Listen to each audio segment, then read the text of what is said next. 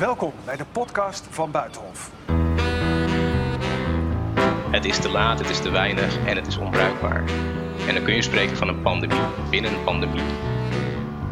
Hij hielp bij het eh, bestrijden van gezondheidscrisis in Bangladesh, Congo, Madagaskar, Griekenland en in Zuid-Amerika. Amrish Baiju. Hij is veldepidemioloog en verbonden aan de gerenommeerde London School of Hygiene and Tropical Medicine en ook verbonden aan het Rode Kruis. Vindt zich nu in Noorwegen. Ik spreek met hem via Skype, met name over India, want daar lopen de coronabesmettingen alarmerend hoog op.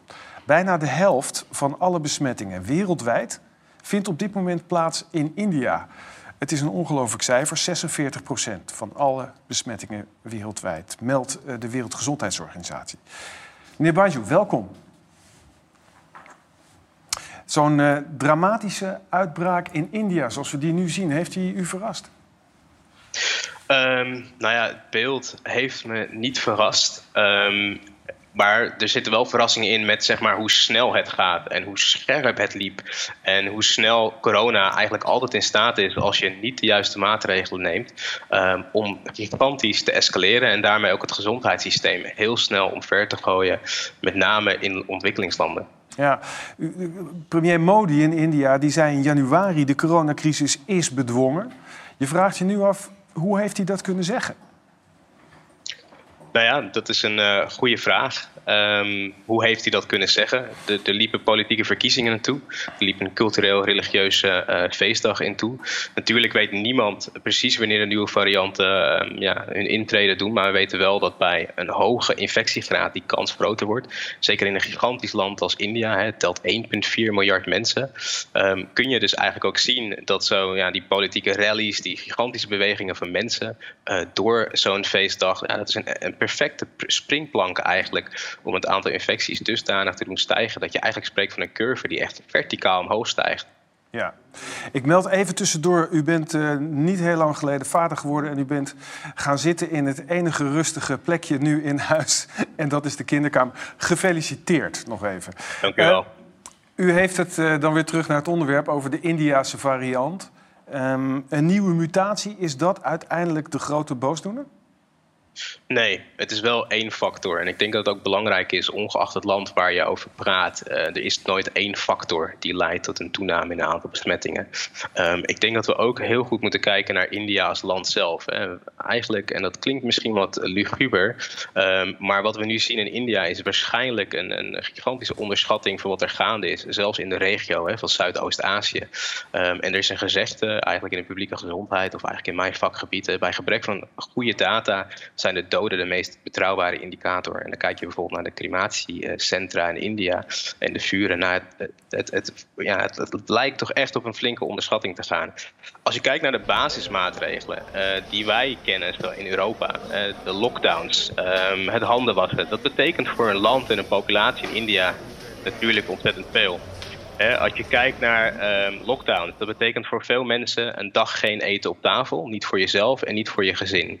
Um, als je kijkt naar handenwassen, 50% van de mensen in India heeft geen toegang tot schoon water. Uh, het gebruik van mond-neusmaskers, ja, niemand kan dat betalen. Uh, een groot deel van de bevolking kan dat niet betalen. Jezelf in isolatie plaatsen. Het gemiddelde huishouden in India ligt rond de 4,6 mensen.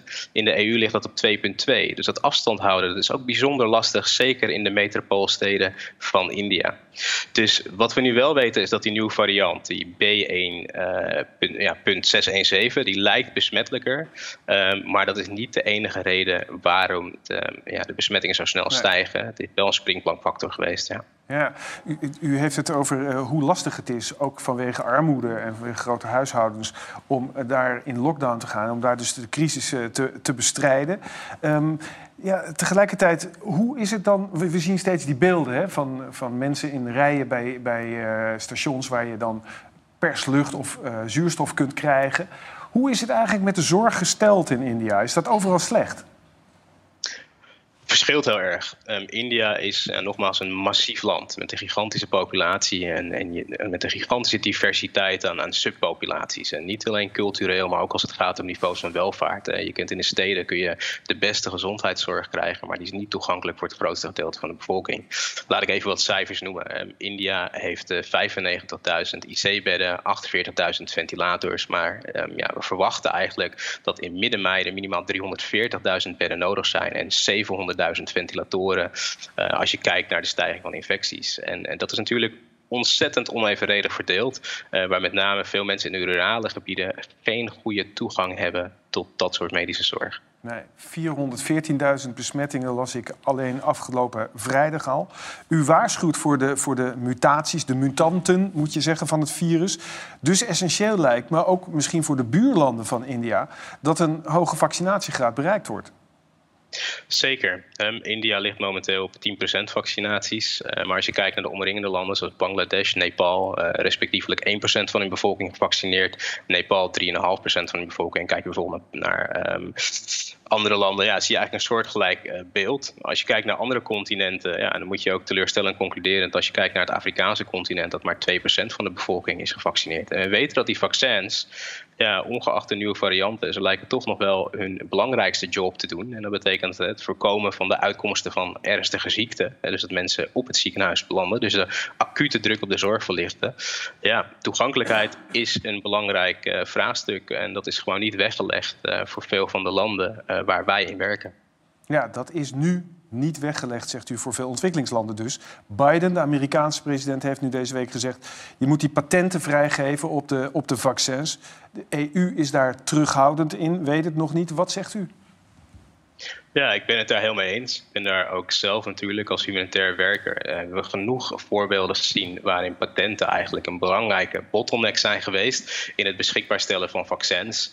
Um, je krijgt heel vaak het argument te horen, maar ja, de landen hebben niet de expertise en kennis in huis. Nou, India is op dit moment de grootste producent van vaccinaties uh, wereldwijd. Hè. Als het gaat om vaccinaties voor vaccine preventable diseases, ik noem mazelen, diphtheria, hepatitis B, tetanus. Uh, ze exporteren naar 170 landen en twee derde van van de kinderen ter wereld wordt gevaccineerd met deze vaccins. Maar hetzelfde argument werd bijvoorbeeld gebruikt in de jaren 80. Er waren twee grote bedrijven. En als het gaat om ja, nieuwe vaccin, vaccintechnologieën, nou, die hadden de 90 patenten in handen. Nou, en, en die waren belangrijk, want daardoor kon je vaccins sneller produceren. Uh, voor een ziekte als hepatitis B beveelde bijvoorbeeld de WHO aan dat uh, elk kind gevaccineerd moest worden. Het probleem was echter dat op dat moment elk vaccin 23 dollar kostte. En je had er eigenlijk drie nodig voor sterke immuniteit. Dus dat was onbetaalbaar voor veel van de landen. Nou, een Indiaas bedrijf vroeg gewoon een zogenaamde technology transfer. Hè, gewoon gevraagd: mogen wij jullie technologie kopen, zodat we zelf kunnen produceren?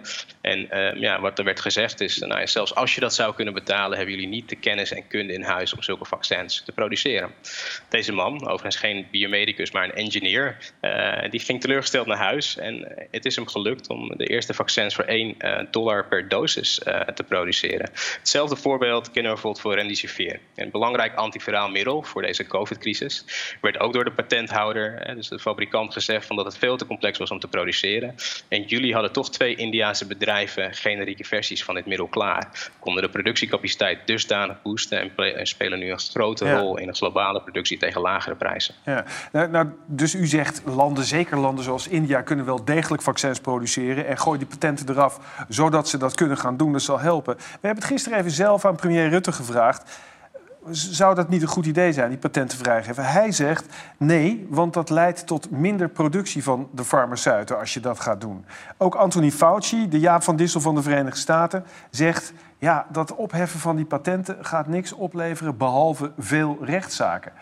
Zij staan aan een heel andere kant dan u. Ik denk dat ze het voornamelijk op de korte termijn bekijken. Kijk, natuurlijk als het gaat om COVID-vaccinaties, um, als je de productiecapaciteit wereldwijd wil opschalen, er staan nog fabrieken die momenteel niks te doen hebben. Um, maar dat zijn ook mensen die dan bang zijn inderdaad om toch maar generieke middelen te gaan produceren, omdat je dan inderdaad allerlei rechtszaken aan je broek hebt hangen. Tegelijkertijd moeten we kijken naar de lange termijn. Hè. Ik noemde net ook al andere middelen en andere vaccins. Uh, het is belangrijk, ook vanuit geopolitiek oogpunt, dat regio's hun eigen producten kunnen produceren.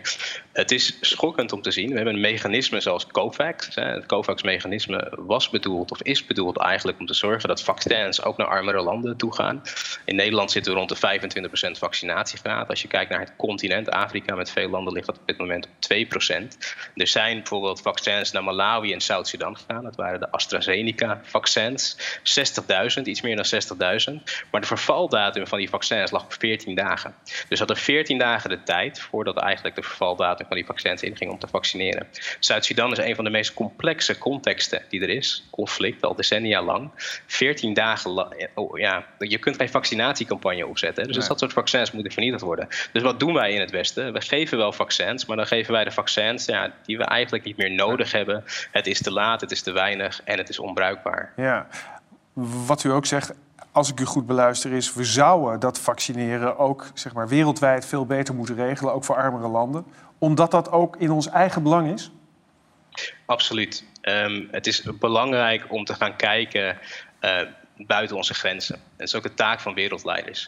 We moeten het goede gaan doen voor de mensheid. Als wij grote vaccinatiegraden houden wereldwijd, en ik noem even twee praktijkvoorbeelden. Ik noem een India, ik noem een Brazilië, waar we door hoge um, graden van infecties nieuwe varianten zullen zien, bestaat er een kans dat de varianten op zullen komen waar tegen de huidige generatie vaccins niet goed werken. En dan kun je spreken van een pandemie, binnen een pandemie, die ook ons zal treffen.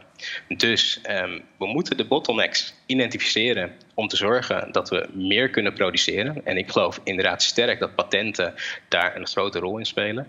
Um, of in ieder geval een rol in spelen. En dat is een van de bottlenecks. Er zijn er natuurlijk meerdere. Maar je zou denken dat in de grootste globale crisis die we nu zien, waarbij we niet alleen praten over de directe impact van het virus, hè, dus op doden en mortaliteit, maar ook de indirecte impact, zeker naarmate een crisis langer duurt, is dit in ons alle belang. Ja, maar goed, die vaccinatiegraad is nog lang niet bereikt. Zeker niet als je ook naar al die ontwikkelingslanden kijkt. Hoeveel jaar gaat dat nog duren voordat deze situatie er is?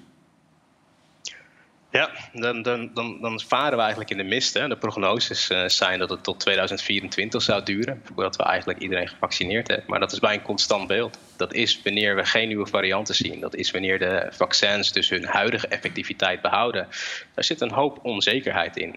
Um, dus ja, 2024 is niet een termijn. Zeker niet kijkende naar de ontwikkelingen, nog steeds in Brazilië, maar ook in Zuidoost-Azië, waarop we kunnen wachten. Goed, heel hartelijk dank voor dit gesprek. Amrish Baiju, dank.